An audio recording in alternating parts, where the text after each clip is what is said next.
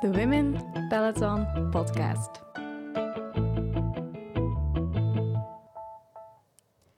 Welkom bij een nieuwe aflevering van onze The Women Peloton Podcast. Vandaag verwelkom ik graag Hedwig Neels, de drijvende kracht achter de pelvic floor. En om haar voor te stellen ben ik toch even gaan piepen op de website van de pelvic floor in haar biografie.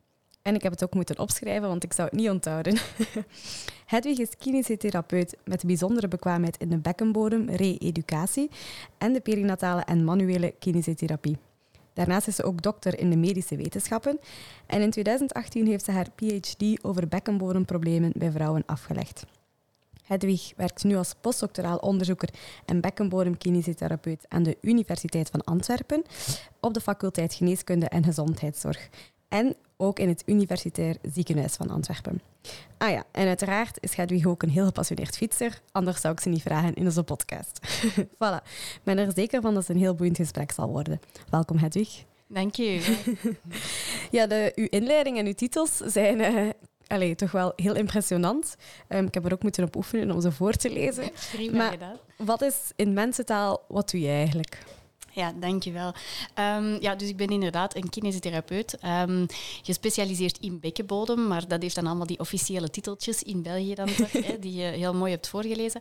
En daarnaast heb ik inderdaad ook aan de universiteit mijn, mijn PhD of mijn doctoraat daaraan verder afgelegd. Dus ik heb verder onderzoek gedaan over bekkenbodemproblemen bij vrouwen.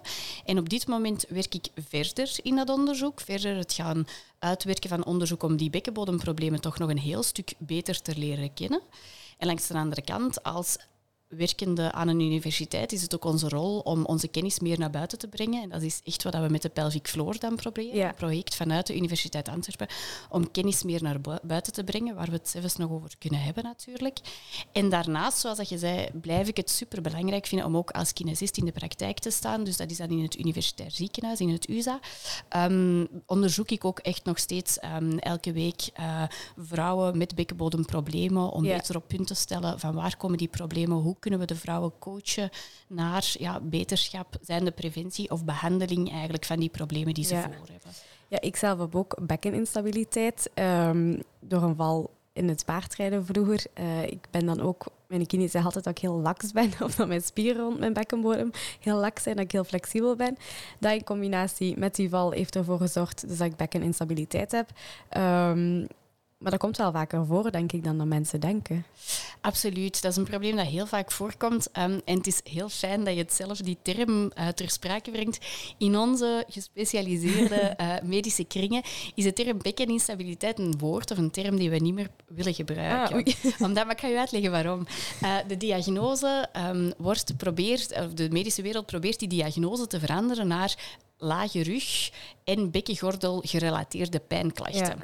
Omdat bekkeninstabiliteit, ja, je zegt het zelf al, het geeft u zo'n beetje het gevoel van als je die stempel opgeplakt krijgt, die diagnose krijgt van ja, oké, ik loop hier rond met een bekken dat op punt van uit elkaar vallen staat. En dat geeft heel onveilige gevoelens aan een vrouw en creëert daarbij ook al rapper de angst van ja, is bewegen dan wel nog veilig of niet? Ik denk dat jij een vrouw bent die tegendeel bewijst en laat zien van ik ga daar wel verder mee sporten. Maar heel veel vrouwen zouden door zo'n diagnose het tegenovergestelde idee kunnen krijgen van oh, ik moet dat hier veilig houden, niet meer te veel sporten. Dus vandaar dat we meer proberen eigenlijk overstappen naar het uitleggen. Het is zeker zo dat er een, een disbalans komt bij vrouwen die daar klachten van hebben, tussen welke belasting wordt er op dat geheel gezet van bekkengordel. En dan spreekt je over beenderige bekken, maar dan spreekt je ook over ligamenten en bindweefsel en alles tezamen, samen met die bekkenbodem dan inderdaad. En een disbalans tussen de belasting die daarop wordt gezet en inderdaad de belastbaarheid van het systeem. Ergens kan het systeem niet meer goed aan wat jij daarvan verwacht. En daardoor ontstaan zekere klachten. En waarom kan dat systeem dat bij u minder goed aan in zijn totaliteit? Ja, dat is wel echt belangrijk dat je dat net persoonlijk gaat uitzoeken. Van, ligt dat dan bij jou? Net aan meer laxiteit in gewrichten en in bindweefsel en zo? Of ligt het eerder aan een spierzwakte? Of dat is echt het puzzeltje dat je vrouw per vrouw moet maken. Ja, ja. Maar misschien moeten we beginnen bij het begin bekkenbodem en bekkenbodemspieren. wat is dat allemaal? Ook al een belangrijke vraag, absoluut. En dat, ehm, de vraag die heel veel gesteld wordt en heel logisch is ook. Dus zoals ik er juist al zei, het beenderige bekken hè, bestaat uit drie verschillende grote botstukken, twee Ja. bekkenvleugels. En van achter komen die samen in een driehoekig sacrumbeen, ehm, een heilig been, dat eindigt in uw staartbeentje. Dat is uw beenderige Ja. bekken. Ehm, maar dat, daar is aan de onderkant een grote opening natuurlijk en daarin hangt die fameuze bekkenbodem op. Bekkenbodem bestaat dan vooral uit spierweefsel. Je hebt heel veel verschillende spieren. Je hebt meer oppervlakkig gelegen Ja. ehm, spieren en een dieper gelegen spierlaag.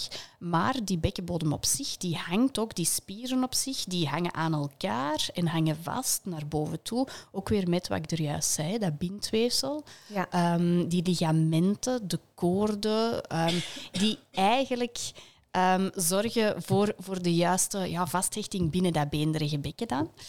Ehm, en dan belangrijk om te weten, door die bekkenbodem, in die bekkenbodem ook nog belangrijk om te benadrukken, is dat daar ook zenuwen natuurlijk in lopen en aders en venen. Hè. Dat is een, een structuur die wordt aangestuurd door zenuwen op zich. Ehm, en door onze bekkenbodem gaat het. Mijn micro stond uit, omdat ik ben, ik ben me even verslikt. Oh my. Maar we gaan gewoon doordoen, dat gaat lukken. Dat is ook de probleem. podcast. Ja, geen probleem. Dus door onze bekkenbodem. Dus het is een, voornamelijk spieren, maar ook superbelangrijk om te weten. Het is ook dat bindweefsel, dat ophangsysteem dat in die bekkenbodem hoort. In die bekkenbodem lopen die zenuwen die die spieren juist gaan aansturen. En door die bekkenbodem lopen dan natuurlijk ook wel een, een, een opening voor drie gaatjes naar buiten te kunnen laten komen bij de vrouw dan. Een plasgaatje, de vagina en de haars. Dus wat is die bekkenbodem? Dat heb ik denk ik toegelicht. En waarvoor dient die dan? Ja, dat vooral. Hè. Waarvoor dient onze bekkenbodem? Voilà, absoluut. Dat is de, de, de vraag die daaruit volgt. Als je dan weet waar dat die ophangt, dat die daar echt als een soort van trampoline of eerder trechtervormige hangmat hangt, Ja. da- dan besef je dat die bekkenbodem dient om je sluitfunctie eigenlijk te gaan steunen. En daarmee bedoel ik, zorgen dat je je plas en je stoelgang kan ophouden, Ja. dat je die gaatjes kan gaan afsluiten. Rond de vagina heb je meer de seksuele spieren die mee aan de seksuele gevoelens eh, Ook, gaan ja. bijdragen. Maar dus ook door die, door die oriëntatie, door het feit van dat dat zo ophangt in dat beenderig bekken, is die bekkenbodem ook super belangrijk in het ondersteunen van de blaas, de baarmoeder en de darmen. En het bijdragen aan je totale core Ja. stability. Ik wou eigenlijk hebben dat mensen u konden zien Ja. vertellen. Want je legt dit zo mooi uit met je handen. We hebben hier ook een, eh, een bekkenbodem. Ja, eh, Model liggen, model ja. liggen. Geen echt natuurlijk, maar... eh, Maar het is net zo belangrijk dat je dat visueel inderdaad een beetje kunt inbeelden van waar zit dat, waarom dient dat. Want dan besef je, het is niet alleen zomaar een sluitspiertje. Ja. Het is een spiergroep die in zijn totaliteit echt belangrijk is om mee die organen te steunen. En die uiteindelijk ja, je bovenlichaam afsluiten. Dus ook mee echt een, een hele belangrijke Ja. rol spelen samen met je buikspieren, je rugspieren. Je diafragma, dus de grote ademhalingsspier, in die core stability, Ja. de, de stabiliteit van je ganse lichaam. En dan kom je ook weer terecht op dat verhaal Ja. van die bekkengordel. Die ja, het ligt ook, ook gewoon echt centraal in ons lichaam. Hè. Het Absoluut. verbindt onze boven- en onze onderkant. En, Absoluut. ja, En toch is het een stukje dat precies in de anatomieboeken vergeten vermeden wordt. of vergeten wordt, alsof dat ons lichaam zomaar overloopt, bovenlichaam in de benen. Ehm, ja, dat is echt waar. En heel vaak een zone die toch weinig besproken wordt. Maar is dat ook niet omdat dat een soort ja, gênant stukje is van uw lichaam? Ja, gênant mag het zeker niet zijn, maar intiem wel, denk ik. Hè? Want ik denk ook zo dat het is zeker een van mijn doelstellingen om ehm taboe te doorbreken. Maar als ik dat woord zeg, dan denk ik al van misschien vind ik het nog belangrijker om bekkenbodem bespreekbaar te maken. Ja. We moeten eigenlijk hè, we moeten er genoeg informatie over geven, zodanig dat vrouwen weten wat kan ik wel verwachten, wat kan ik niet verwachten, Ja. wanneer moet ik hulp gaan zoeken. Maar vind ik nu dat je alle taboes moet doorbreken en over die intieme zone, over de daken, alles moet gaan schreeuwen? Nee, absoluut ook Nee, niet. nee, hè. er Het is blijft nog ieder zijn intiem aan. Voilà, Ja. het is een intieme zone, dat mag absoluut, dat moet niet doorbroken worden. Maar het is wel belangrijk dat vrouwen meer weten welke problemen dat daar ook in voor kunnen Ja. komen, hoe dat er oplossingen kunnen bestaan. ehm, hoe En dat je er mag over praten. Absoluut. Wat zijn de problemen? Of wat zijn de meest voorkomende problemen? Want Ja. er zullen wel een hele reeks aan problemen zijn, denk ik dan. Ja, absoluut. Hè. Dus net omdat de functies zo divers zijn en die een bekkenbodem zo complex in elkaar zit, zijn er ook wel veel verschillende types van problemen uh, mogelijk. De meest voorkomende zijn sowieso urineverlies, het niet kunnen ophouden van uh, de plas. Um, anderzijds stoelgangsproblemen, kan gaan ook over het niet goed kunnen ophouden van de stoelgang of windjes bijvoorbeeld niet goed kunnen ophouden. Of anderzijds net het niet goed naar buiten krijgen van de stoelgang. Stoelgang niet genoeg naar buiten gedrukt krijgen, niet goed uit het lichaam geduwd krijgen, geconstipeerd geraken. Um, en nog een grote groep van veel voorkomende problemen is orgaanverzakkingen. Dus net die blaas, die baarmoeder en die darmen, die toch ook een stukje naar beneden komen. Dat noemen we ook een van de bekkenbodemproblemen op zich. Of dat kan dus ook komen door uh, een, een uh, een probleem in die zone, um, maar ook pijnklachten, zoals jij al juist aangaf. Uh, totaal pijnklachten rond die zone. Ja. Of pijn bij seks, pijn bij vrijen. Um, ook een van de symptomen dat kan voorkomen. Uh, dus ja, ook heel diverse dingen kunnen toch wel te maken hebben met die bekkenbodem. Ja, en er zijn effectief wel heel veel vrouwen die daar last van hebben. Het is niet dat je moet denken als je daar last van hebt van oei, ik ben de enige. Nee, nee zeker niet. Hè. De cijfers zijn uh, sprekend. Hè. Eén op drie vrouwen uh, heeft last van urineverlies. En misschien onderschatten we dat zelfs nog. Op latere leeftijd stijgen die cijfers naar bijna 1 op 2. Um, we weten eigenlijk dat van de vrouwelijke populatie, en zeker van vrouwen die ook um, ooit bevallingen, zwangerschappen en bevallingen zijn doorgegaan, weten we dat 1 op 8 van de vrouwen toch waarschijnlijk ook problemen heeft met stoelgang ophouden. En dat is echt ontzettend veel. Hè? als, je één, veel, ja. één, als je acht vrouwen op een rij zet en denkt van één, één van die acht heeft waarschijnlijk toch problemen, dat is niet iemand die daarmee over straat loopt of die dat vertelt. Nee, want dat is um, eigenlijk al als je denkt aan acht vriendinnen, Absoluut. die bevallen zijn, dan heeft één op die acht daar misschien wel last van. Misschien al wel een zekere mate van last van, absoluut. En bij die orgaanverzakkingen zijn de cijfers, dan hangt het zo heel veel van, ja, waar hang je de, definitie aan vast? Uh, daarom, ik spreek ook liever over bekkenbodemgezondheid op zich dan bekkenbodemproblemen. Het hoeft niet direct altijd problematisch te zijn, maar we zien wel dat bijvoorbeeld ook na een zwangerschap of na een bevalling de helft van de vrouwen al wat meer laxiteit krijgen in die bekkenbodem.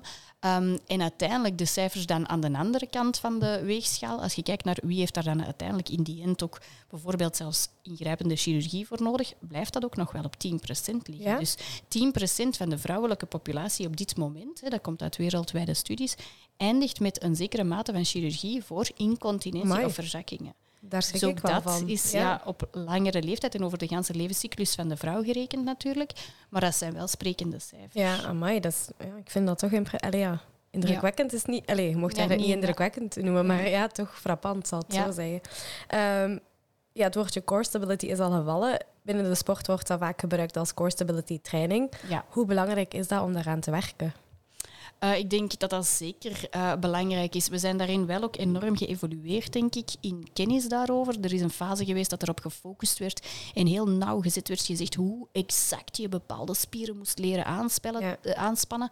Terwijl de wetenschap nu wel veel meer neigt naar, oké, okay, een, een, persoon heeft heel veel variabiliteit nodig. Hè. We, hebben, we hebben belasting, dat is wat ik er juist al was aan het ja. uitleggen. We vragen dingen van ons lichaam. We vragen, zeker in deze podcast ook, we vragen sportieve activiteiten van ons lichaam. Um, en ons lichaam moet gewoon een gamma of een toolbox hebben eigenlijk van mogelijkheden om dat op een goede, veilige manier te kunnen doorbrengen. Dus het is niet dat we te strikt in core stability programma's mogen aanleren van zo exact binnen deze timing eerst die spier opspannen, dan die spier. Zo die, die heel nauwgezette, ja. heel strikte patroontjes, daar wordt wel wat op teruggekomen. Maar langs de andere kant is het uitbouwen van een goed spiercorset om net die spier sportieve uitdagingen of gewoon je dagelijkse activiteiten aan te kunnen, superbelangrijk. En daar speelt bekkenbodem dus zeker ook ja. mee een rol in. En van daaruit kunnen dan eigenlijk ook zadelklachten op het, op het zadel tijdens het fietsen voortkomen vanuit, ja, één en vooral hebt je een goed zadel nodig, maar, maar ook vanuit je, allez, vanuit je bekkenbodem of lage rugpijnen. Dat kan zeker een van de spelende factoren zijn. Um, het is ook wel zo, dat dus inderdaad wat ik er juist al zei, die veranderingen in de bekkenbodem door de levenscyclus van de vrouw Um, spelen ook wel een rol, denk ik. Um, maar we moeten daarin zeker ook al onderstrepen dat dus het onderzoek of de wetenschappelijke uh, basis die we daarover hebben uh, nog zeer beperkt is. Hè. Er is heel weinig onderzoek gepubliceerd over waaraan ligt wat exact. Dus zeker ook als je over zadelpijn bij vrouwen spreekt, denk ik dat er nog heel boeiend onderzoek ja. uh, te doen is en dat we nog niet alles zwart op wit op papier kunnen zetten, allee, of kunnen bewijzen vanuit de wetenschap. Um, maar dus enerzijds hebben we die veranderingen binnen de bekkenbodem, de mate van laxiteit, gespannen de, de, de plaatsen waarop dat, dat zadel het drukken is en dus ook druk geeft naar die zenuwen die in die bekkenbodem ook op een redelijk oppervlakkige manier eigenlijk lopen, Dat speelt allemaal wel, denk ik, een heel belangrijke rol in zadelpijn. Maar die core stability gaat u net ook wel weer helpen om ook weer op uw fiets een betere houding, een gevarieerdere houding, een afwisselendere houding aan te kunnen. Hè. En, en, dus ik denk dat core stability en zadelpijn zeker te linken zijn aan elkaar en niet zonder elkaar kunnen. Ja. Maar het is nooit een één op één ehm, Nee. relatie. Op zich. nee, want uiteindelijk als je dan denkt... Ja, als je al moet fietsen en je moet ook nog aanvullende core stability doen. Veel mensen denken dan van ja, ik heb eigenlijk niet zoveel tijd voor in het drukke leven dat er nu is. Ehm, maar ja, los van het fietsen, als vrouw zijn zelf, is het wel gewoon goed voor ons lichaam. Absoluut. Ehm, en dus core stability op zich. En natuurlijk ook eh, dan als, als eh, eh, fanatiek of freak in het vak, of vakidioot, hoe zeg je dat? Moet ik dan ook benadrukken, ook bekkenbodemspieroefeningen Ja. op zich. Hè? Ja, Die bekkenbodem, als ik er juist was aan het uitleggen van als je weet hoe ehm, dat het er van onderuit ziet, dat dat allemaal wel spieren zijn die preventief blijven al een keer opspannen. En een bekkenbodemspieroefening is eigenlijk iets heel eenvoudig. Hè. Een basisoefening is eigenlijk gewoon alsof je je plas of een windje zou ophouden. Of hè, we gebruiken vaak visualisatie. Dus dan leg ik soms uit van alsof dat je een tissu zou vastnemen en eigenlijk naar binnen toe zou trekken. Of dat gebruiken we soms ook zo met de blauwe bes. Alsof dat je een blauwe bes met je schaamlippen zou opgrijpen en naar binnen trekken. Net Ja. omdat je, je wilt benadrukken van we willen een sluitende, liftende Ja. beweging van die fameuze bekkenbodem eh, genereren of, of eh, mogelijk maken of stimuleren bij een vrouw. Dus dat als vrouw regelmatig ook al eens doen ehm, en zorgen voor een gezonde bekkenbodem is zeker ook een deeltje van die core stability die volgens mij toch wel belangrijk is om te doen, zelfs ook als je fietser bent en al veel tijd in fietsen. ja dan, eh, want ja, die oefening die je nu zegt, uiteindelijk pakt dat niet zoveel tijd in beslag door de Nee, dag. absoluut niet. Ehm, wat wel belangrijk is, is om te benadrukken, je hebt ook heel veel vrouwen die dan zeggen van ehm, oh ja, ja, ik weet perfect wat ik moet doen, hè. kijk maar wat ik aan het doen ben. En dan eh, liefst dan nog de yogi of de pilates-experten voor mij, maar dan zie ik ze alles samen opspannen en intrekken en doen. En, ehm, het is volgens mij ook wel heel belangrijk, allee, of we weten ook vanuit wetenschappelijke eh, basis, dat het belangrijk is dat je ook je bekkenbodem kan gaan gebruiken zonder altijd alles in blok met die Ah, core ja, stability ja. te doen. Dus je moet eigenlijk genoeg ehm, ja, expertise hebben of, of, of genoeg je bekkenbodem goed genoeg onder controle kunnen hebben om te zeggen van ik span die eens rustig aan en ik laat die terug los, zonder dat inderdaad uw buikspieren, uw rugspieren, uw bilspieren, uw ademhalingsspieren allemaal mee aan het blokkeren zijn. Ja. Dus die oefening op zich kan ik nu zitten doen zonder dat jij aan mij iets ziet gebeuren. Dus je kunt zeker zeggen van eigenlijk vraagt dat niet veel tijd, je kunt het altijd doen. En Ja. zo hebben we veel patiënten die zeggen, ja maar als ik zo eens aan een ehm, rood licht sta of zo te wachten, dan doe ik dat. Hè. Dan span ik op en laat ik los. Dat is helemaal prima om het gevoel te hebben. Ehm, maar natuurlijk is de vraag altijd van ja, waarom ben je bepaalde oefeningen aan het doen? Ja. Is dat gewoon preventief om het af en toe te onderhouden en de controle op je lichaam te voelen? Prima. Is het dat je meer het advies hebt gekregen dat je iets moet gaan versterken of net wat meer moet gaan leren loslaten en relaxeren? Dan heb je soms wel wat meer oefensessies nodig, herhaling nodig. En vooral persoonlijke Ehm, begeleiding dan En denk ik. persoonlijke begeleiding is dan echt... eh, Want, heel- want wat je nu heel veel ziet, ook op het internet, is, is gratis core stability oefeningen hier, Ja. pilates daar, yoga Ja. daar. Ik ben daar absoluut van, van dat mensen dat leren kennen. Maar dan denk ik, als je er toch echt verder mee wilt gaan en je lichaam op de juiste manier wilt begeleiden, dan is er ook wel persoonlijke begeleiding nodig. Absoluut. Want wat je dan echt ook wel merkt, en dat is ook wat we veel meer leren de laatste jaren over bekkenbodem, is dat heel veel vrouwen ook de neiging hebben, en zeker dus ook als het meer over sportieve vrouwen gaat, en als ik denk aan een verleden van paardrijden, Ja. of eh, ook bij veel fietsers, ehm, is wat we meer en meer leren, is dat vrouwen ook heel vaak die bekkenbodem net te gespannen houden. Ja. Hè? En dus heel krampachtig in een basistonus. Dus je kan bewust, eh, je bekkenbodemspieren zijn eigenlijk spieren die je bewust kunt opspannen en bewust kunt loslaten. Ja. En daarnaast heb je nog je dagdagelijkse rusttonus in je bekkenbodem, waar wij eigenlijk nooit over stilstaan. Dat is alsof dat je je kaken, hè, of dat je die zo heel gespannen op elkaar houdt Ja. en de hele tijd tanden knarst. Dat zijn dingen waar je soms niet bij stilstaat. Zo hebben vaak vrouwen ook de neiging om heel de tijd hun buik, of dus hun bekkenbodem, te gespannen te houden. Ah, en dan verlies je ook net heel veel van die functie, want dus die bekkenbodem moet een soort van dynamische trampoline zijn die extra kracht geeft om af te sluiten en druk op te vangen op de momenten dat het nodig is. Maar op die andere momenten moet die ontspannen Spannen zijn. en niet heel die boel continu in hoogspanning zetten, al die zenuwen onder druk zetten. Heel de boel, want dan krijg je op de duur een overspannen eh, bekkenbodem die tot pijnklachten kan leiden of triggerpunten kan geven, Ja. pijnpunten kan geven en zo. En daarin is net wat je zei superbelangrijk. Van als je dan denkt aan die preventieve oefeningen of behandelende oefeningen een professioneel advies Ja. of daar een beetje beter ehm, ja, individueel advies over krijgen, is echt wel super belangrijk om het puzzeltje juist te leggen.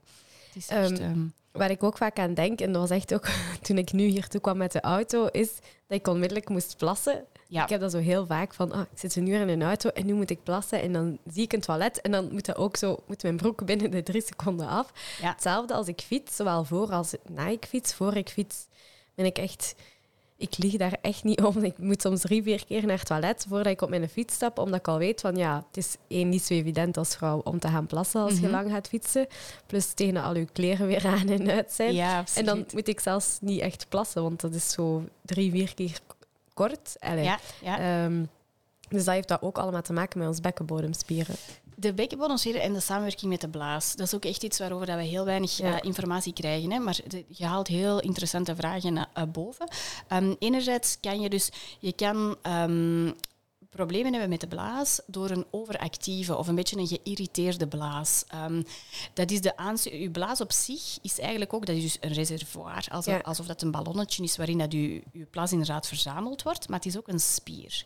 En vanaf dat uw blaas, normaal gezien, vanaf dat uw blaas een beetje gevuld is, geeft die signalen door naar de hersenen. Ja. Voel jij in je hersenen of besef jij, oh, ik moet gaan plassen, span jij je bekkenbodemspieren bewust een beetje harder aan, totdat je aan het toilet zegt gekomen. Je gaat op het toilet zitten. Op die moment ontspan je bewust je bekkenbodemspieren. En doordat jij bewust je bekkenbodemspieren ontspant, gaat er een signaal naar de hersenen. Aha, het is plastijd. En gaan die hersenen, uw blaas, want dat is een gladde spier, die wordt door de hersenen aangestuurd, gaan die hersenen uw blaas doen knijpen. Ja. En die blaas knijpt zichzelf leeg. Dat is ons normale systeem. Maar doordat die blaas dus onder ehm, centrale sturing staat, is die natuurlijk onderhevig ook aan zo wat stress. Dus wat extra stress, ze hebben, een examen of oh, ze hebben een fietsrit en ik ga misschien niet kunnen gaan fietsen, eh, niet, niet kunnen gaan plassen en zo. Dat kan u al wat gestresseerder maken. Dat maakt die blaas vaak al een stukje zenuwachtiger. Ja. Als die zenuwachtiger wordt, begint die al sneller te knijpen en u dat gevoel te geven van je moet gaan plassen. Dus dat noemen we zo'n beetje een overactieve en geïrriteerde blaas. Ja. Ook bijvoorbeeld door, moest je nu ehm, veel eh, frisdrank of koffie, cafeïnehoudende dranken of alcoholhoudende dranken of pikante dingen eten of zo, dat kan allemaal ook zo aan mee die blaas gaan irriteren. Ja. Dus een geïrriteerde blaas kan meer zo dat, dat gevoel geven van heel vaak kleine beetjes moeten gaan plassen. Ehm, maar zo simpel blijft het niet. Dat andere verhaal is dan ook weer bijvoorbeeld, als je zegt van als ik dan ook wel lang ben gaan fietsen of ik heb lang in de auto gezeten, dan gaan we er vaak vanuit, van, en dat merk ik zelf ook ehm, echt heel vaak, ehm, van je, je hebt vaak regelmatig gedronken, hè, want je wilt voldoende Ja. vocht opnemen om te sporten, dus je hebt veel gedronken. Je blaas begint zich toch ook wel serieus te vullen. Zolang als dat die blaas op die fiets zit en ehm, die druk van dat zadel tegen die bekkenbodem blijft komen, blijft dat systeem voelen, oké, de poortjes van onder Ja. zijn gesloten, die blaas blijft op zich redelijk rustig en die is zich aan het vullen. Maar je stapt van je fiets, ja. En dat is die blaas merkt ineens, wow, ik zit hier één heel Ja. vol. En twee, die een druk tegen die bekkenbodem valt een stuk weg. Dus ineens staan die spieren Ja. alleen om te laten merken van, wacht, wacht, wacht, het is hier nog gesloten. Dus uw het is ook wel echt van die houding op de fiets, van eerst zit je voorover gebogen en dan staat je opeens recht. Het rechtstaan heeft volgens mij een grote rol. Ja. Het zwaartegewicht van de gevulde blazen. Want op die moment heb je niet dat gevoel van nu ga ik plassen en er komt amper iets uit. Nee, op die Nee, moment komt er ook wel ja. echt veel uit. Dus het is inderdaad die zwaartekracht van die gevulde blaas die ineens op je hoofd inspeelt en Ja. langs de andere kant. Dus die, die bekkenbodemspieren die minder die steun voelen. En dan is een goed trucje, ehm, ja, niet minder drinken, want dat is belangrijk voor je ja. sportieve activiteiten. Maar in de plaats van, zoals dat je zei, te crossen naar het toilet en zo het gevoel hebben van, ja, ik ben hier bijna te laat. dat is echt omdat op die moment die blaas merkt, het is aan mij, ik wil nu gaan plassen en die begint ook te knijpen. Door die te willen, de enige truc die we hebben als vrouw om die terug eventjes wat rustiger te houden, is net vanuit die bekkenbodemspieren dat signaal geven, nee, de poortjes zijn nog gesloten. Hè, want dan gaat terug die reflexboog Ja. naar uw hersenen. Die hersenen merken, wacht, ze zit nog niet op het toilet. En die gaan ervoor zorgen dat uw blaas wacht en niet Ah. zo zenuwachtig zit te knijpen, maar even rust neemt. Dus een gewoon stom trucje is op die momenten echt zorgen dat je een paar keer, dus je stapt van je fiets, je spant een paar keer krachtig samen, totdat Ja. die een drang om te plassen eventjes overgaat, Of zelfs eventueel terug met je hand zelf op je perineum, dus duwen op de zone Ja. tussen de vagina en de aars. Of terug wat druk opzoeken, extern. Hè. Dat is een beetje ook waarom dat een Ja. kind beentjes Ik net overkruist, zeggen, dat is eh, precies als een plasgaatje kindje begint die- vast te nemen. Ja. Ja.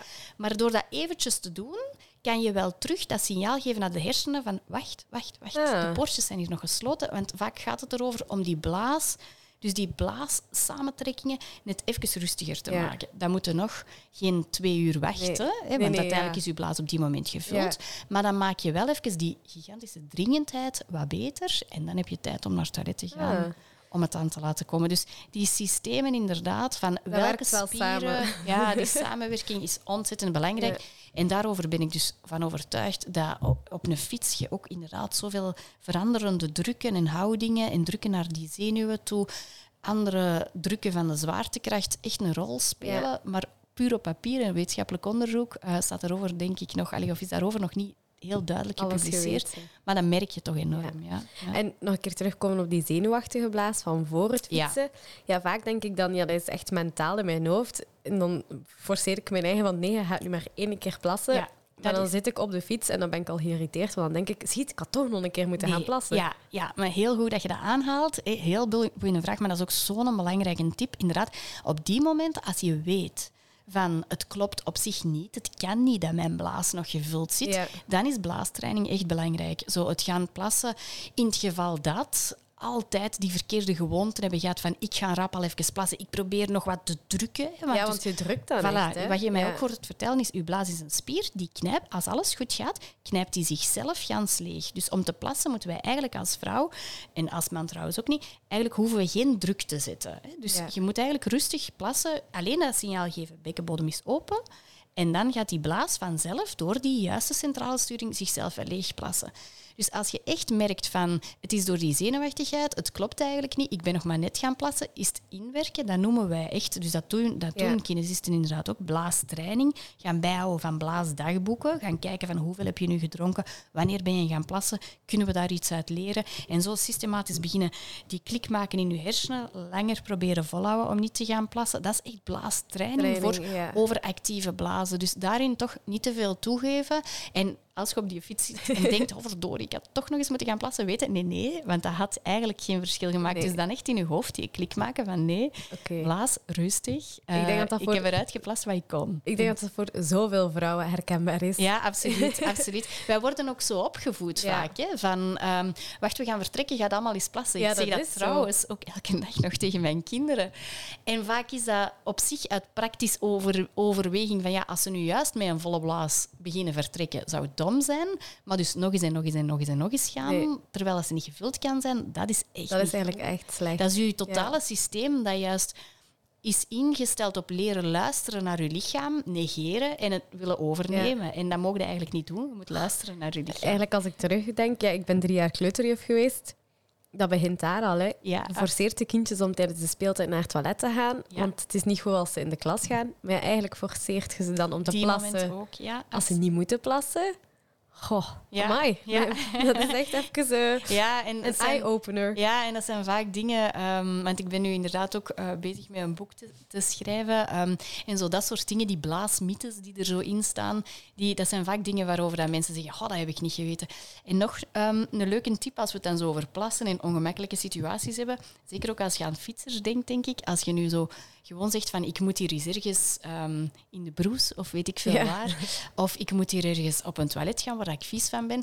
Heel vaak hebben wij ook de neiging van als je niet, eh, niet genoeg op je gemak voelt, eh, zo half boven een toilet Ja. te hangen, of eh, je hebt misschien je fietskledij die al niet allemaal even praktisch is eh, ontworpen, niet even goed naar beneden gekregen en weet ik veel wat. Maar eigenlijk is het dus ook super belangrijk om op die momenten dat je je blaas dan wel wilt ledigen, net goed te kunnen neerzetten en dus dat signaal gans te geven naar die blaas van kijk, ik ben ontspannen, het staat hier open, plaats jezelf maar leeg.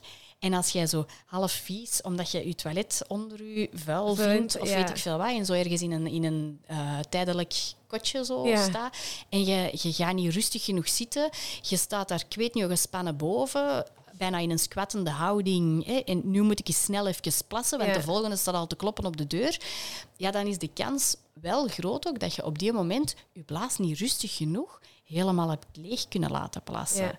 En als er wel wat plas zou achterblijven in je blaas, ja, dan heb je wel weer meer risico om toch Ja. sneller terug dat gevoel te Ja. hebben van één, ik moet terug gaan plassen, want mijn blaas is teruggevuld. Of dat vergroot ook zo'n beetje je kans op um, blaasinfecties, urineweginfecties. Ja. En dan krijg je geïrriteerde pijnklachten en zo. Ja, dat is natuurlijk ook weer de geïrriteerde richting in. Dus ook dat is eigenlijk- een superbelangrijke. Als je naar het toilet gaat, rustig gaan zeggen. zitten, ontspannen, blaas laten leegplassen. Dat is ook echt een Hou de belangrijke. regel vanaf nu. Ja. De tijd nemen. U Ja. niet opjagen. Ehm, ja, de zwangerschap voor een vrouw heel belangrijk. Ehm bekkenbodem verandert daar ook heel veel door, denk ik dan. Of veronderstel ik dan. Ja, het komt serieus onder druk te staan natuurlijk. Hè. De zwangerschap alleen al ehm, verhoogt natuurlijk de druk naar de blaas en naar de darmen toe. Dus pipi ophouden en, en kaka ophouden Ja. wordt al een stukje moeilijker voor de bekkenbodem. Maar langs de andere kant, de grote verandering is vooral die continue drukken die aan het groeien zijn in die buik, worden wel gedragen en opgevangen door die bekkenbodemzone. Er komt meer druk op het zenuwsysteem. Dus een zwangerschap is best al wel zwaar ehm, voor de bekkenbodem. Ja. En dan zeker natuurlijk vrouwen die overgaan naar een vaginale bevalling en op een vaginale manier eh, bevallen, ja, die krijgen, daar moet ik geen tekening bij maken, een serieuze uitrekking hè, van die bekkenbodemzone. We weten eigenlijk dat bepaalde structuren tot wel 245 procent, dat is altijd een cijfer dat wel opvalt, eh, opgerokken worden eigenlijk. Hè. Dus er komt tijdelijk wel veel druk en rek naar die bekkenbodem. Dus dat verandert inderdaad na de zwangerschap Ja. en na een bevalling die bekkenbodem toch vaak wel in een zekere mate. Hè. Heel veel herstelt gelukkig, maar er ja, komen ook wel problemen voor door zwangerschappen en bevallingen. En is het dan verstandig om puur vanuit het sportieve gezien, als je fietst, eerst, of eerst terug daaraan te werken om dan te fietsen? Of hoe zit dat eigenlijk, dat fietsen na de zwangerschap? Ja, hele goede vraag. Eh, en dan spreek ik ook uit eigen ervaring en zo.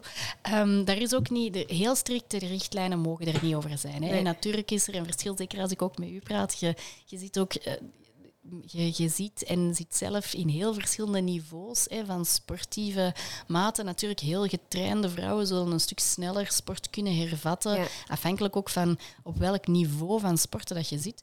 Ehm, dus te strikte richtlijnen moeten er niet zijn, maar eigenlijk moet je daar geen doekjes om winden. Zeker de eerste zes weken en eigenlijk zelfs de eerste drie maanden na een zwangerschap weten we dat zowel dat spierweefsel als al dat bindweefsel, Ja. als dat zenuwweefsel echt nog aan het herstellen is. Dus op zich is dat de beste richtlijn om toch wel in je hoofd te houden van die eerste zes weken zeker.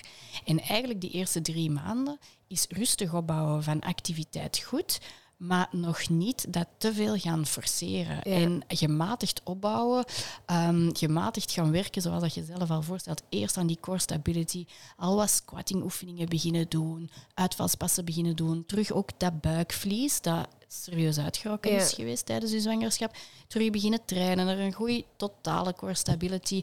En dat zijn toch allemaal wel aspecten die volgens mij, vooraleer je terug naar eh, fietsen gaat, wel heel belangrijk zijn. En is daar ook een goede houden regel bij? Ook gewoon luisteren naar je lichaam. Van als je voelt dat het nog niet gaat, stoppen en raad gaan vragen. Absoluut. En raad gaan vragen is dan wel een belangrijke ook, denk ik. Want dan heb je zo sommige mensen ook wel die zullen zeggen... Want die vraag wordt bijvoorbeeld ook heel vaak gesteld bij lopen. Hè. Je hebt Ja. nog altijd wel heel veel vrouwen die eerder wat meer gaan joggen hè, dan op de koersfiets Ja. kruipen of op een andere fiets kruipen, denk ik.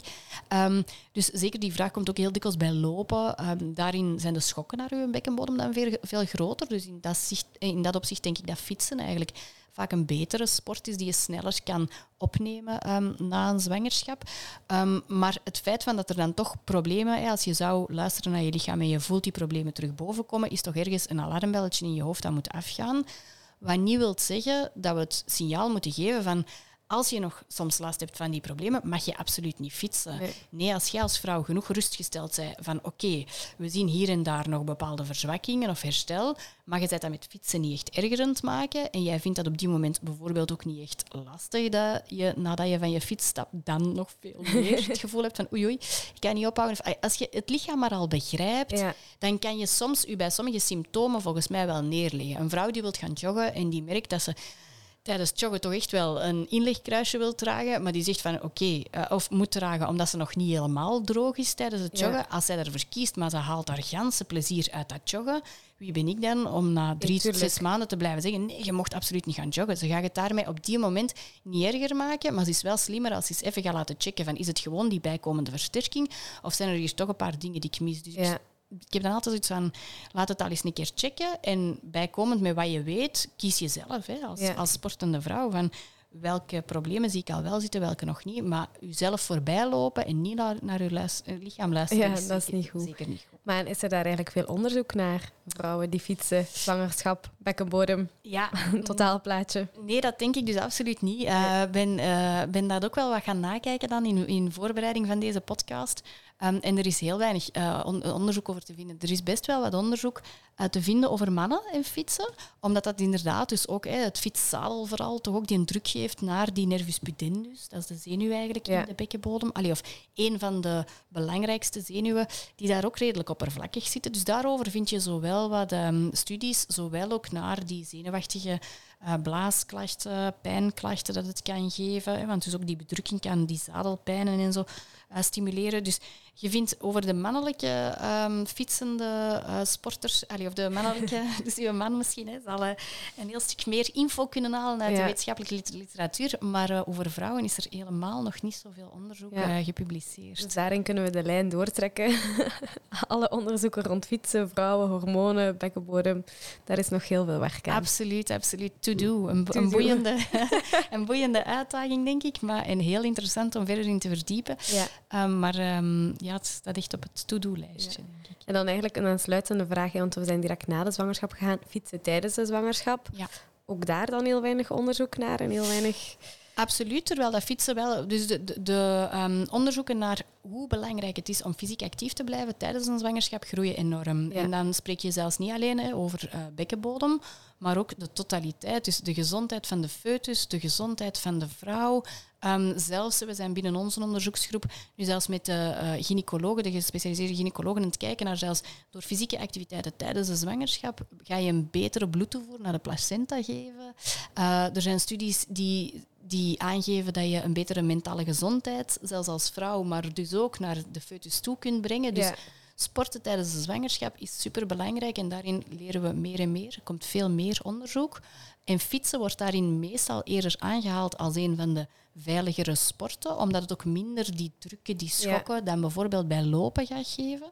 Dus fietsen wordt wel vaak aangehaald als een van de goede um, sporten die je ook zo kunt opbouwen in low intensity tot mid intensity of high intensity. Ja. Hoe, hoe, hoe intensief je sport kan je vaak zo wel wat aanpassen. Dus fietsen wordt vaak aangeraden, maar echt specifiek onderzoek naar de effecten van houdingen, zadel en zo heb ik ook nog niet veel uh, gemerkt.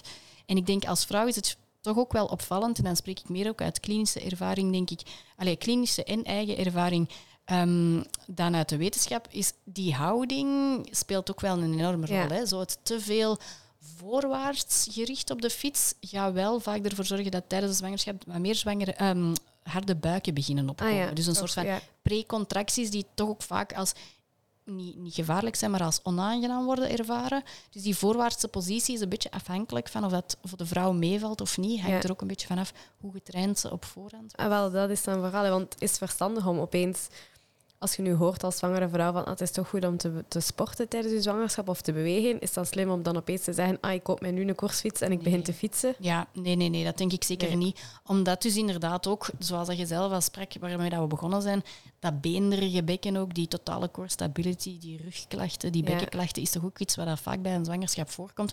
Dus om iets echt heel nieuw, fanatiek te beginnen opbouwen tijdens een zwangerschap, nee, zeker niet. Ehm, ja, het is, het is aangeraden om 150 minuten eh, gemiddelde fysieke intensiteit wel te doen tijdens de zwangerschap. En eigenlijk is dat toch wel veel. Want gemiddelde fysieke intensiteit, dan spreken we over een hartslag tussen de 125 en 145. Ja. Dus eigenlijk wordt zwangere vrouwen aangeraden om 150 minuten per week toch best wel sportieve activiteiten te doen. Maar het is een beetje zoeken. Als je voor je zwangerschap eigenlijk echt dat ook totaal nog niet gewoon Nee. waart, is dat wel een beetje zoeken. Maar eigenlijk wordt het aan elke vrouw aangeraden. Dus ik denk eerder streven naar Ja. kruip maar al allemaal op die fiets. Alle vrouwen al gewoon zijn voor Ja. de zwangerschap. Hè? En dan, eh, En ja. dan, ja. Ja, jij fietst zelf ook eh, regelmatig. Ja. Hè? Ehm, je hebt de Cannibalet gedaan in 2019 op de Mol van Toe, als Sarah en ik ook eh, Ja, op de Mol van Toe waren. Dat is toch ja, impressionant, de Cannibalet. Hoeveel, dat is niet één keer omhoog rijden, hè? Nee, dat was inderdaad een van de uitdagingen. Ik ben beginnen fietsen ehm, voordat ik kindjes had. ehm, Nadat ik afgestudeerd was. ehm, met mijn man meegetriggerd geweest. Hij is nogal een fanatieke fietser ook. Eh, allee, op... ehm, hoe noemde dat? Ehm leken, eh, zeg het eens. Oei, oei, ja, hij schiet me waarschijnlijk af als ik het nu zo zeg. Op uh, wielertoeristenniveau. Wielerstoeristenniveau. Voilà, je helpt mij naar het juiste woord. Maar wel ook fanatiek. Eh, hij zei me gisteren nog, als je daarmee spreekt of het gaat over de cannibalet, moeten mij zeggen dat ik toen met Wout van Aert samen naar boven was aan het fietsen. toen in 2019 of wat Ja. was het. En ehm, ja, dus de, de- de- hij is eh, daar heel gedreven in en we hebben daar altijd samen enorm van genoten. Maar dan moet ik toegeven dat in die periodes van kindjes krijgen, ik Ja. heb een zoontje die nu bijna zes is, ehm, en mijn dochtertje is acht jaar. Hè, dus in die hele periode dat ze zo heel kleintjes waren en ik inderdaad ook van de een zwangerschap naar de andere zwangerschap ging, was dat fietsen ook een stuk minder intensief. Maar dan, nadat die kindjes zo wat groter worden en je voelt terug als vrouw zo van oké, ik word hier Ja. terug wat meer baas van mijn eigen lichaam, ehm, was dat voor mij een keileuke uitdaging om voor die cannibalet inderdaad zo eens te gaan. Maar dat is dan inderdaad zo wel eens voor één keer zo eens echt streven naar een serieuze uitdaging die je zoekt. Want dat was inderdaad, dat is twee keer eigenlijk gefietst via de, allee, toen via Bedouin naar boven, Ja. ehm, terugdalen en dan twee kolletjes tussenin, denk ik. En via Solt nog eens terug helemaal naar boven. Ja. Dus dat is dan toch ja, eindigen met iets van 150 kilometer Ja, ja. of zoiets. En Dat is, eh, 3500 hoogtemeters of zoiets. Daar begint je niet onvoorbereid aan. Nee, nee, nee, nee. nee. Eh, ik, probeer heel veel, ik probeer het gewoon heel regelmatig vol te houden. Maar Ja. mijn regelmatig fietsen, ja, heel vaak over... Want ik hoorde ook in jullie vorige podcasts inderdaad zo de toegankelijkheid van fietsen. Ik ben heel vaak met mijn kleine kindjes toen, ook op, mijn, op, op de rollen. En op de eerste was het een home trainer en nu heb ik inderdaad een koersfiets op rollen staan. En ik vind dat geweldig ook, dat ik terwijl dat de kinderen eh, toen aan het slapen waren, nu middagdutjes deden of zo. Dat zijn doen ze nu natuurlijk allemaal niet meer. Maar toen vond ik dat een fantastische manier om toch mijn uurtje sport te kunnen doen Ja. en, en mij daarop te zitten uitzoegen, want daar kreeg ik mijn adrenaline ook wel van. Dus zo dat heel regelmatig. eh, Gewoon in kort, maar regelmatig. kort, ja, hè, de, een uurtje sporten en nu ook nog altijd. Ik, ik fiets veel en nu ook buiten, ook heel vaak dezelfde toertjes, waarvan een ander zal denken van, allee. Maar voor mij is dat even mijn eh, gedachten leegmaken, even eh, fysieke activiteit, even me-time. ehm, en daarna, hops, weer verder met gezin en het werk. En, eh, dus die regelmaat hou ik vol, maar zo die, die uitspattingen, dat is maar af en toe. maar ik vind dat wel heel leuk. En ja. heb je zo nog een uitspatting gepland staan? Ja, wel, vorig jaar hadden we met ehm, corona gezegd van we doen eens niet de Mont Ventoux, ehm, maar we gingen dan met Climbing for Life, de Dolomieten Marathon, ah, ja, de. Dolomieten, ja. Maar die is dan niet doorgegaan, maar dan ben ik toch met mijn man eh, alleen, alleen, we zijn met ons tweetjes Ja. en toen toch naar daar gegaan en we hebben toen ook heel die tocht gedaan. En dat was ook eh, 150 kilometer, denk ik, of zoiets. Ehm, nog wat meer hoogtemeters en zo heel veel verschillende eh kolletjes. Heel boeiend wel, maar toen was ik, ik vond dat nog vermoeiender als, als ik cannibalet, omdat dat een paar keer echt... Ja, je, eh, en- ook, je komt niet op adem. Het is Nee. constant. en er was dan zo geen organisatie rond. Normaal gezien met die sportactiviteit is er zo overal. Zijn er Ja. mensen aan het afzien en aan het zoegen. En toen waren we zo onder ons. Dus ik ben daar toen enorm aan verschoten. En toen zei ik, dat doe ik nooit niet meer. En nu in september gaan we terug. Ah, voilà. En wil ik het toch nog eens terug doen. Dat Dus is zo'n ja. typische verhaal op de fiets. Hè. Ja. Als je af hebt gezien, dat doe ik echt nooit niet meer. En dan eh, een jaar later, ah ja, ik ga het toch nog een keer Je zoekt proberen. dan toch die... Ja, dat is iets in... Ik weet niet, dat zit in je genen, dat je zo toch terug die uitdaging, die, die adrenaline kick daarin zoekt, precies. Ja. Ja. Super. Ehm, ja, om af te sluiten vraag ik altijd van, ja, heb je nog één ultieme tip? Is er één ultieme tip vanuit uw ervaring eh, dat je kunt meegeven aan vrouwen die fietsen? Um, vooral echt dat eigen lichaam leren begrijpen. Ja. Leren begrijpen van de signalen die je voelt, de pijnklachten die je voelt, de eventuele ongemakken van urineverlies, eh, stoelgang niet goed kunnen ophouden. Alles wat je zou kunnen voelen, alle dingen die je, die je voor hebt, niet bang zijn om erover te spreken, het net wel bespreekbaar maken. Daarom zijn het totaal geen Ja. drama queen. Soms is het gewoon de klik in je hoofd al, zo van wat je er juist zei van eye-opener. Als je dat nu al weet, dan denkt je de volgende keer waarschijnlijk van "Ha, ik leg mij erbij neer. Of ik ben overtuigd om daarom dan wat meer oefeningetjes te Ja. gaan doen. Maar zo dat begrijpen, dat zelf kunnen snappen van hoe werkt ons lichaam. Dat is mijn belangrijkste tip, denk ik. En dat kan via de pelvic floor. Kan je wel echt. Ik ben al een, keer, allee, al een paar keer gaan kijken op de website ondertussen. Het is heel toegankelijk. Het is Ja. heel goed uitgelegd. Dank u. En je vindt heel veel informatie als vrouw. Ah, wel, dat is echt wel de bedoeling. Het is wel absoluut ook nog work in progress. Ehm, dat is ook zo van het een in het ander gerold. We geven daarop al heel veel info. Er moet nog superveel bij komen, denk Ja. ik. Eh, daar zijn we ook volop mee bezig. Eh, er komt dan ook eh, nu nog een boek ehm, in september met meer informatie. Ehm, en ik denk, ja, het is zeker mijn doelstelling om die website nog verder uit te brei- breiden. Ook nog wat meer persoonlijke dingen aan vast te Ja. hangen. En, allee, of dat vrouwen persoonlijke guidelines een beetje kunnen krijgen, zou boeiend zijn. Dus we zijn zo aan het kijken van hoe kunnen we dat verder krijgen. Zoals dat je ook hoorde, ja, we doen continu ook verder onderzoek om gewoon die bekkenbodem zelf al beter te begrijpen. Ehm, dus ik zal niet zeggen dat je daarop alles zal vinden, maar het is toch zeker al een eerste stap. En wat dat leuk is aan de pelvic floor is ook zo, ehm, we willen ook blijven inzetten op die getuigenissen, die verhalen Ja. van vrouwen die wel zeggen, die wel met hun verhaal ook naar buiten komen, dat bespreekbaar maken, die eerste tip. Ja.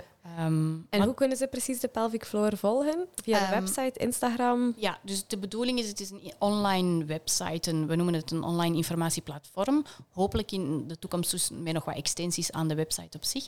Ehm, maar de, en dat is gewoon www.thepelvicfloor.be, want de pelvic floor is de Engelse benoeming hè, Ja. van de bekkenbodem. Dus op het platform op zich vind je eigenlijk de meeste informatie, ook de links naar waar kan ik nu echt hulp gaan zoeken en zo. Maar daarnaast hebben we eh, inderdaad ook een Instagram en een Facebook, waarop dat, ehm, we vragen van volg ons, eh, deel onze berichtjes, zodat je dat meer en meer van uw vrouwen, van uw vriendinnen ehm, het eigenlijk kunnen vinden. Dus ook op Facebook en Instagram. Ondertussen heb ik alweer een hoestaanval gekregen. Ik weet niet wat er scheelt vandaag. Het zal ook nog mijn hooikort zijn. Ehm wel, dan wil ik u heel erg bedanken voor uw tijd vandaag. Hè. En ook de luisteraars opnieuw bedanken. Het blijft hetzelfde. Als je wil inschrijven op de nieuwsbrief, kan dat ook via onze website www.thewomenpeloton.be. Ik ga ook in de nieuwsbrief alle gegevens van uh, Hedwig hier opzetten, van de pelvic floor, zodat jullie dat ook kunnen vinden. Um, ja, en een review. Hè. Laat gerust weten wat je vindt van onze podcast. Als er nog vragen zijn rond de bekkenbodem, stuur ze zeker ook door, want ik denk dat we daar zeker ook een vervolg kunnen aan geven. Het is niet dat we jullie niet willen informeren, we willen jullie zelf net heel graag informeren. Um, en dan hoop ik dat ik jullie binnen twee weken terug hoor.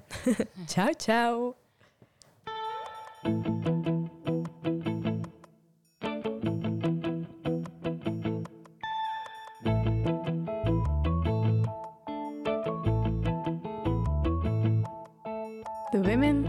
The Women Peloton Podcast.